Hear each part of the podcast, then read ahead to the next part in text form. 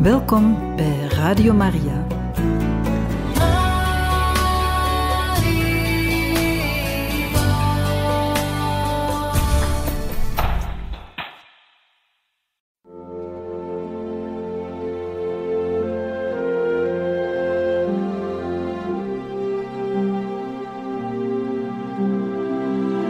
Beste luisteraars van Radio Maria, welkom bij het programma Catechismus. Een overweging bij de geloofschat van de kerk.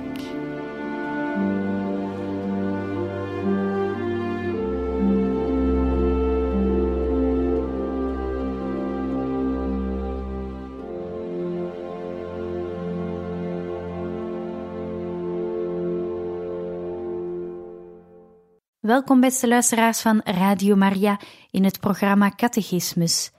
Vandaag kan u luisteren naar een zevende en laatste aflevering van onze catechese-uitzendingen over het testament van Jezus, u gebracht door pater Gérard Denis. Dierbare luisteraars van Radio Maria. We hadden het daarnet over de weg, de waarheid en het leven dat Jezus is. En nu gaan we het hebben over het laatste ik ben woord. Ik ben de ware wijnstok. De ware wijnstok om dan te eindigen met een bezinning. Jezus zegt van zichzelf: Ik ben de ware wijnstok. Johannes 15, 1, 11. En dat kunnen we lezen in de tweede afscheidsrede, Johannes 15, 1, 16, 33. Na de vers 1431 denken we dat alles gedaan is. Maar Jezus staat op en zegt: Laten we gaan. En toch begint een nieuwe afscheidsroute. Er is een nieuwe verrassende allegorie over de wijnstok. Maar verder zijn het meestal herhalingen van wat in de eerste afscheidsrede gezegd is. Er zijn verschillende parallelteksten, en beide toespraken worden geïnspireerd door het naderend afscheid. 13, 33 en volgende 16:5 en ook nog 16:28. Ze spreken beide over zeven overs ze spreken beiden over het belang van Jezus heengaan voor de leerlingen. 14.2 Over de eenheid van Jezus en de leerlingen. Johannes 13.1.11 Ze spreken ook over het nieuwe gebod van de onderlinge liefde 13, 12, 20. En ook over, het, over de korte tijd van de scheiding en de spoedige weerzien. 1333. Over de zending van de geest na en door en door Jezus dood. 14, 16, 26. Over de reinheid van de leerlingen. 1310. En tenslotte over de dienaar die niet boven zijn Heer staat. 1316. Ze geven beide aan de leerlingen belofte over het verhoren van het gebed in Jezus' naam. 14, 12, 14. Beide spreken over het blijven van de leerlingen in Jezus, 1420. En over het onderhouden van de geboden, 1421. Ze sluiten allebei met een vrede groet, 14, 27, 31. Maar er zijn ook grote verschillen. De actuele situatie van de Johannes gemeente klinkt zeer sterk door in dit gedeelte. Breuk met de Joden en de vervolging. In deze afscheidsrede brengt de schrijver van het evangelie zijn medegelovigen tot een dieper eigen tijdsverstaan van het Hanse evangelie, dit is, dit is van het Hanse gebeuren rond en van Jezus. Mogelijke uitleg waarom twee afscheidsreden is, de gemeente van Johannes heeft alles wat overgeleverd was over deze avond zorgvuldig willen bewaren, zonder er één logisch geheel van te maken. Ik ben de ware wijnstok, de zevende en de laatste van de ik ben uitspraken van Jezus. We kennen ze waarschijnlijk wel. Ten eerste, ik ben het brood des levens, 648. 2. Ik ben het licht der wereld, 812. 3. Ik ben de deur van de schapen, 10, 7 en 9. 4. De goede echte herder, 12, 10, 11 en 14. 5. De opstanding en het leven, 11 en 25. Ik ben de weg, de waarheid en het leven. 6.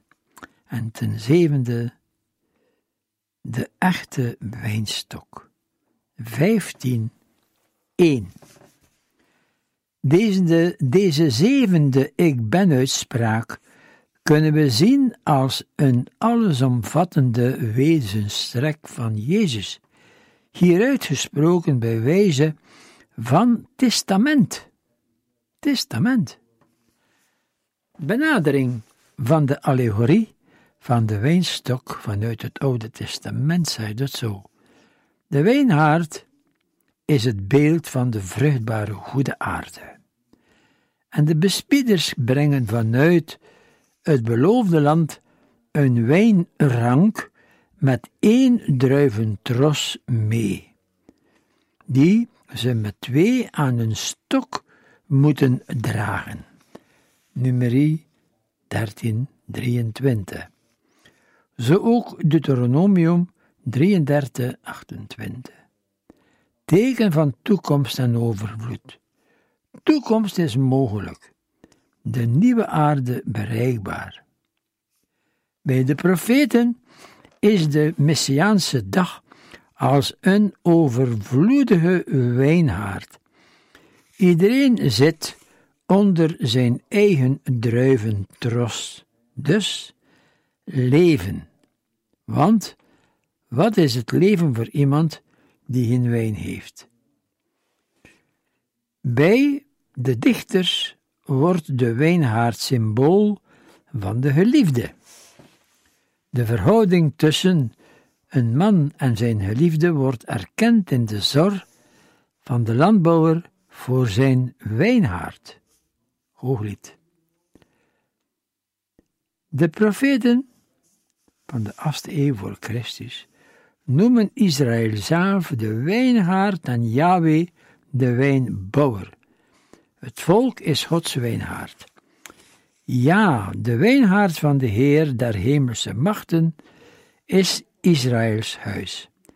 Zijn bevoorrechte planten zijn de mensen van Juda. Jesaja 5, 1 en 7. De intieme en zorgvolle rela relatie, de wijnbouwer en zijn kwetsbare wijnstokken is, voor de profeten, het meest volkomen beeld. Dus de intieme en zorgvolle relatie tussen de wijnbouwer en zijn kwetsbare wijnstokken is voor de profeten het meest volkomen beeld van de wijze waarop God omgaat met zijn volk. Psalm 80. Het beeld van de zoegende wijnbouwer wil de dagelijks nooit aflatende zorg van God voor zijn volk omschrijven. Maar in die wijnhaard is de goddelijke wijnhaardenier bitter teleurgesteld. Hij verwachtte dat hij druiven zou dragen, maar hij bracht slechts wilde bessen voor. Jesaja 5:2 en Jeremia 2:21. Oorzaak daarvan zijn volgens de profeten de slechte herders, die de wijnhaard vertrapt hebben, de omheining vernield, de grond niet besproeid. De wijnhaard is een woestenij geworden. Psalm 80. Psalm 80, 13, 14. Concreet wil dit zeggen: het volk heeft zich niet gehouden aan de wet, onrecht gepleegd, de wet van God verworpen. Daarom heeft de opperste wijnhaardenier en zijn teleurstelling zijn handen van zijn wijnhaard afgekeerd. Maar de wijnhaard is Yahweh te lief om hem zomaar en definitief in de steek te laten. Herder van Israël, koester het stekje dat gij toch eigen handen hebt geplant. Psalm 80. En de Heer gaat zich verbinden. Ik wil voor Israël zijn als de dauw.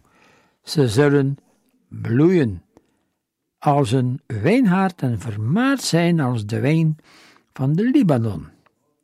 Mijn toorn is voorbij. Israël zal uitlopen en bloeien, zodat de hele aarde met vruchten overdekt wordt. Jesaja 27, 4 en 6.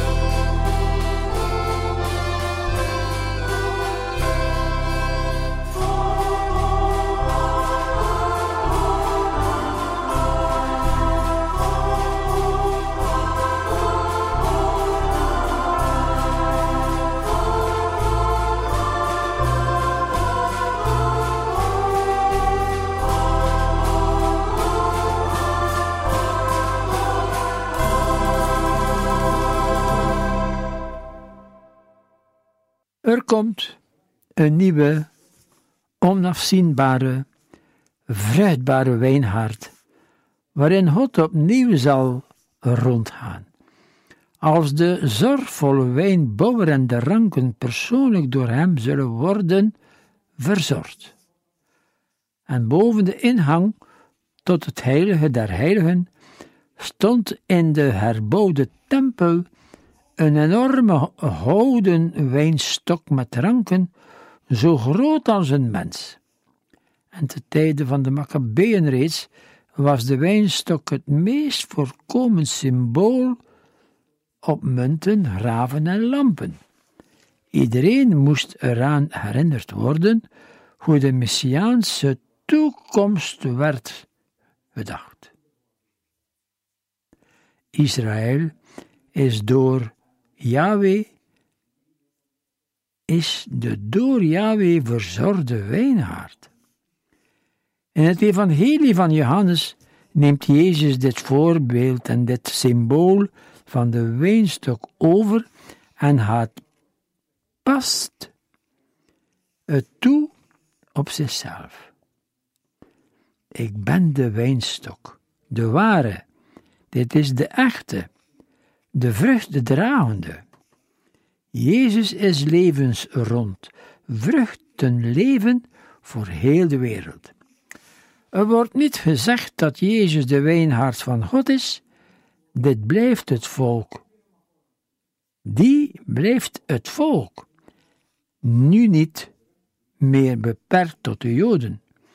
Jezus is ook niet de wijnhaardenier. De Vader is de wijnbouwer die de onvruchtbare ranken afsnijdt en de andere zuivert, loutert. Jezus is de wijnstok, onderdeel en beginsel van de wijnhaard.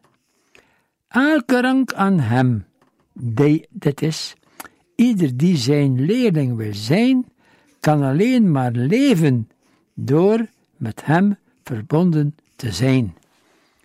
Hij is de stam en geen tak kan groeien en vruchten dragen zonder hem.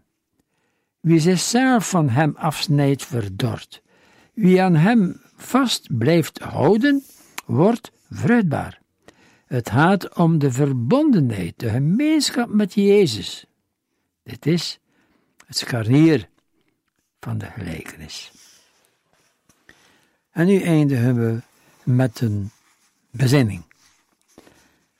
Na deze benadering van de allegorie vanuit het testament willen we verder nadenken over deze wondermooie allegorie van Jezus.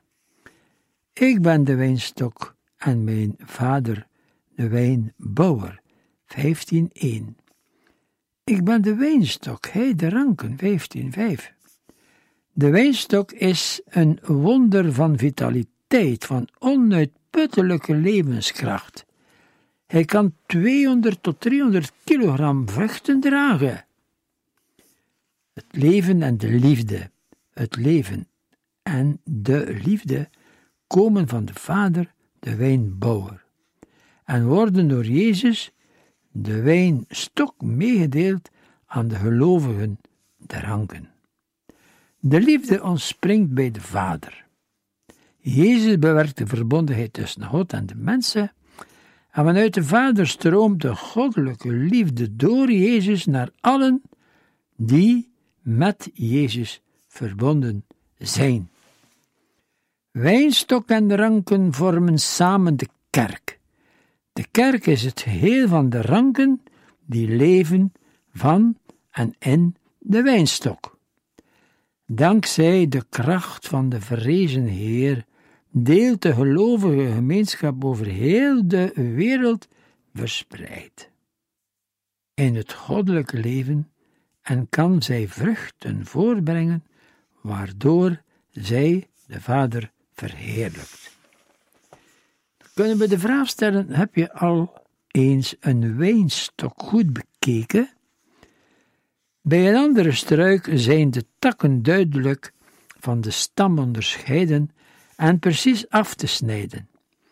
Bij een wijnstok niet, daar lopen de vezels en de stam verder in de ranken. Stam en de rank zijn niet te onderscheiden. Je kunt niet zeggen waar de stam ophoudt en waar de rank begint. Een mooi beeld van de innige verbondenheid van de gelovigen met Jezus. Elke rank aan mij die geen vrucht draagt, snijdt hij af. En elke rank die wel vrucht draagt, zuivert hij, opdat zij meer vrucht mag dragen. Johannes 15:2. Ranken die geen vrucht dragen, omdat ze niet met Jezus verbonden zijn, worden afgesneden. Verder wordt gezegd dat ze weggeworpen worden, verdorren en verbrand worden, vers 6. Dit lijkt een harde, strenge uitspraak. Zijn al de mensen die niet in Jezus geloven, zij die Hem niet kennen, die zijn geboden niet onderhouden en dus niet in zijn liefde blijven, redloos verloren? In vers 2 gaat het om de vruchtbaarheid van de wijnstok, om de oogst zo rijk mogelijk te doen zijn, doet de wijnbouwer twee dingen. Hij verwijdert zwinters de, torre, de dorre takken en in de lente de wild woekerende scheuten. Het verwijderen van de dorre twijgen wordt in vers 6 weer opgenomen als een vermaning. Snoeien, afsnijden, doet pijn. Zou het niet de bedoeling van Jezus zijn, wanneer wij te lijden hebben, ons te zuiveren, omdat wij meer vrucht zouden dragen? Elke pijnlijke ingreep wordt ingegeven door Gods zorgende liefde. Het is een zorgende, liefhebbende hand die de wilgroei snoeit. De graankorrel moet eerst sterven. Heel ons leven wordt door ons door de kans gegeven, inderdaad, heel de wereld wordt ons de kans gegeven om terug te komen naar Jezus en de relatie met Hem, het blijven in Hem opnieuw aan te gaan en te verdiepen. Wij weten niet wie er werkelijk van Jezus liefde gescheiden is, wie de dorre takken zijn. Deze woorden van Jezus zijn zeker een ernstige vermaning, een waarschuwing.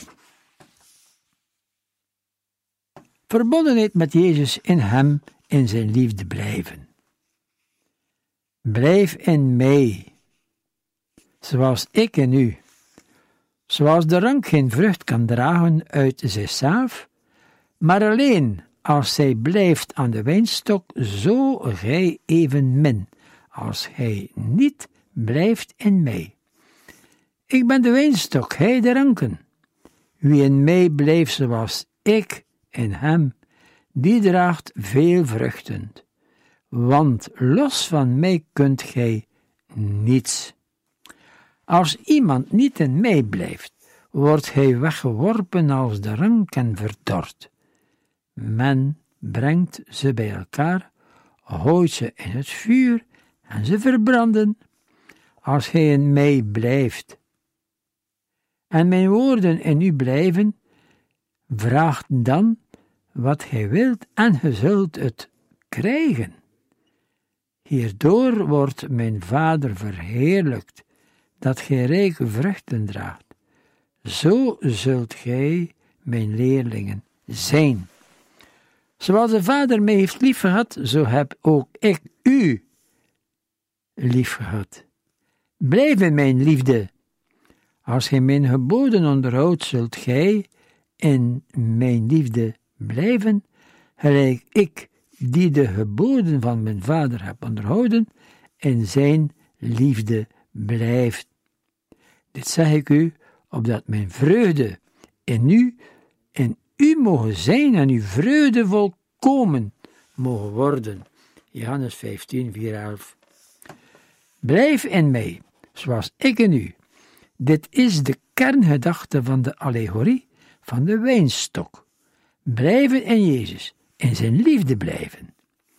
Dit blijven in Jezus zoals Hij en ons, dit wederzijds in elkaar blijven, is eigenlijk iets dat voorgegeven is door de kracht van de zelfmededeling van Jezus. Omdat Hij in ons is, worden we opgeroepen om te leven zoals Hij. Om echt christelijk te leven. In Christus blijven kan niet zonder geloof en liefde. Dat is het christelijk leven, geloof en liefde.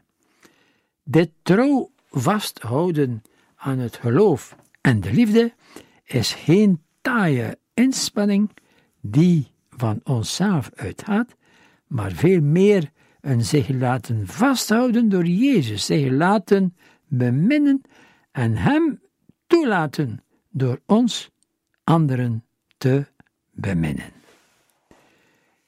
In mij blijven, in mijn liefde blijven. de verbondenheid met Jezus, die ons gegeven is, beleven. Persoonlijke relatie met Jezus, vriend van Jezus zijn, wij doen alles voor Jezus, zegt moeder Teresa. En dan stellen we ons de vraag: welke zijn de gevolgen van de verbondenheid met Jezus? Als we niet verbonden zijn met Jezus, kunnen wij geen vruchten dragen. En negatief uitgedrukt kunnen we zeggen: onmogelijk om vrucht te dragen. Tot niets in staat los van Jezus. Los van mij kunt je niets. Dat is, is negatief uitgedrukt. Alleen wanneer een christen leeft vanuit de gemeenschap met Jezus, kan zijn christen zijn vruchten dragen. Goddelijk leven verder geven kan niemand uit zichzelf. Alle leven dat van mensen komt, is ten dode opgeschreven. Eeuwig leven komt van God.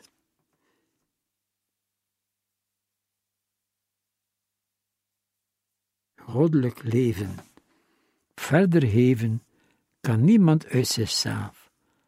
Alle leven dat van mensen komt, is ten dode opgeschreven, bestemd om weggeworpen te worden, te verdorren en verbrand te worden. Eeuwig leven komt van God. En positief uitgedrukt kan men zeggen dat we veel vruchten kunnen dragen. In de acht verven, verzen ligt zevenmaal de nadruk op vrucht dragen. In Jezus blijven is niet een zalig bezitten van goddelijk leven of een wereldvreemde contemplatie. Elke stap dichter naar Jezus toe brengt ons ook dichter bij de mensen. Het geloof in Jezus, het blijven in zijn liefde, openbaart zich in de werken van de naastenliefde. Vrucht dragen is geen synoniem van succes of efficiëntie. Die woorden vinden we niet in het evangelie. Geestelijke vruchtbaarheid staat juist in omgekeerde verhouding tot wat wij succes noemen. Het einde van Jezus' leven op het kruis was geen successtory. En toch, toch heeft Jezus daar op het kruis honderdvoude vrucht gedragen. Het zijn niet de grootste apostelen die het meest tamtam maken. Wie het innigst met Jezus verbonden is, die brengt de meeste vruchten voort. Welke vruchten? Jezus zegt het niet. De vruchten waaraan Jezus denkt, kunnen enkel vruchten zijn van liefde, vrede, dankbaarheid, eenheid, nederigheid. Vruchten van de Heilige Geest. Verhoring van het gebed. Zie vers 7. Vraag dan wat ge wilt en ge zult het krijgen. Naarmate iemand meer met Jezus verbonden is en Jezus liefde blijft, zal zijn wil ook in overeenstemming zijn met wat Jezus wil. Hij zal, zoals Jezus, in alles de wil van de Vader zoeken en vragen wat de Vader wil. Zo mag hij zeker zijn verhoord te worden. Wie ware vrucht draagt, diens gebed zal zeker verhoord worden, want zulk gebed zal niet gaan over bijkomstigheden, maar het zal gericht zijn op het mogen blijven en, en meer vrucht dragen. Zulk gebed valt samen met de wil van de wijnbouwer, die daarin ook wordt verheerlijkt. De letterlijke vertaling luidt als volgt: Indien jullie blijven in mij en de uitspraken van mij in jullie blijven, hetgeen jullie willen, vraagt erom, en het zal jullie gegeven worden. Delen in de vreugde van Jezus. En daarmee eindigen we dan. Het is de vreugde van de tijd na de verrijzenis van de onophoudelijke aanwezigheid van de Heer, van de vervulling van de oud-testamentische belofte. Het is de vreugde van de tijd, de verrijzenis die blijft. Deze vreugde noemt Jezus zijn vreugde. Zijn eigen vreugde wil hij meedelen. Jezus moet een vreugdevol mens geweest zijn. In de evangeliën is er meermalen en uitvoerig sprake van Jezus lijden en tegenkantingen. Er wordt zelfs gezegd dat hij weende over Jeruzalem, over het graf van Lazarus. Er wordt niet zoveel gezegd over zijn vreugde. Lucas 10, 21. Jezus jubelde het uit. Ik prijs u, Vader. Hier spreekt hij van zijn vreugde. Vreugdeloosheid in de kerken in de wereld. Maar we hebben het over de geestelijke vreugde. De mens heeft de levensdraad doorgesneden die hem met God verbindt. God lijkt hem overboden, maar al weet hij het niet, dit zwijgen van God weegt hem zwaar, of je nu wilt of niet. Ja, de koude en de duisternis zijn eerst in het hart van de mens die verdrietig is.